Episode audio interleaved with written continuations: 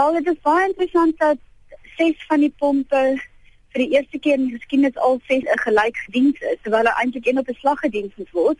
Dit is ook die eerste keer in die geskiedenis van Potchefstroom dat daardie reservoir leegloop. Dit is baie baie toevallig en interessant dat die dag vir hierdie geskiedkundige raadsvergadering gebeur.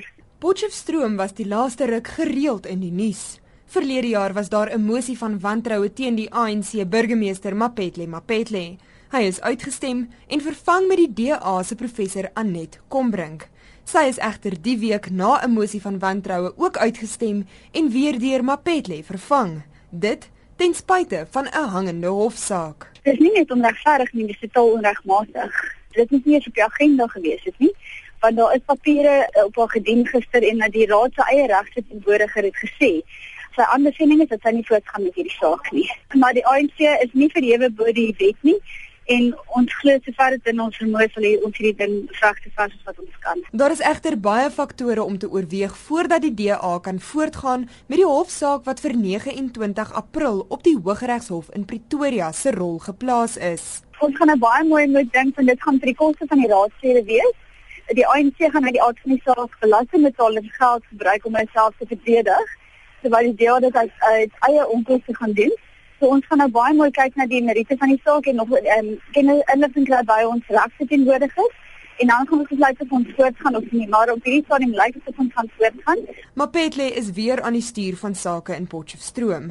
Dit volgens Ter Blanche, ondanks aantuigings deur die DA dat hy die middelpunt van 'n beweerde bedrogspel in die stadsraad is. Oor die waterkrisis en die moontlike sabotasie het die Klokwe stadsraad se woordvoerder, Willie Maposa, nie veel te sê nie. Uh look, my comment is that uh the city council is doing investigations internally as to exactly what the cause is. What we have officially been informed by the section involved is that uh, it was a human error.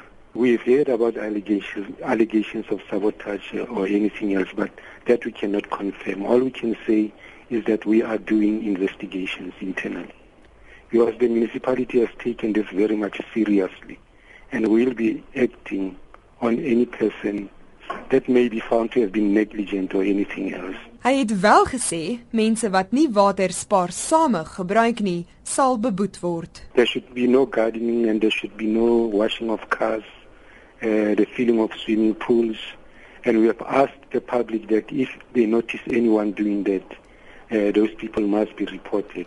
The fines that will be imposed goes even up to 2000 rand.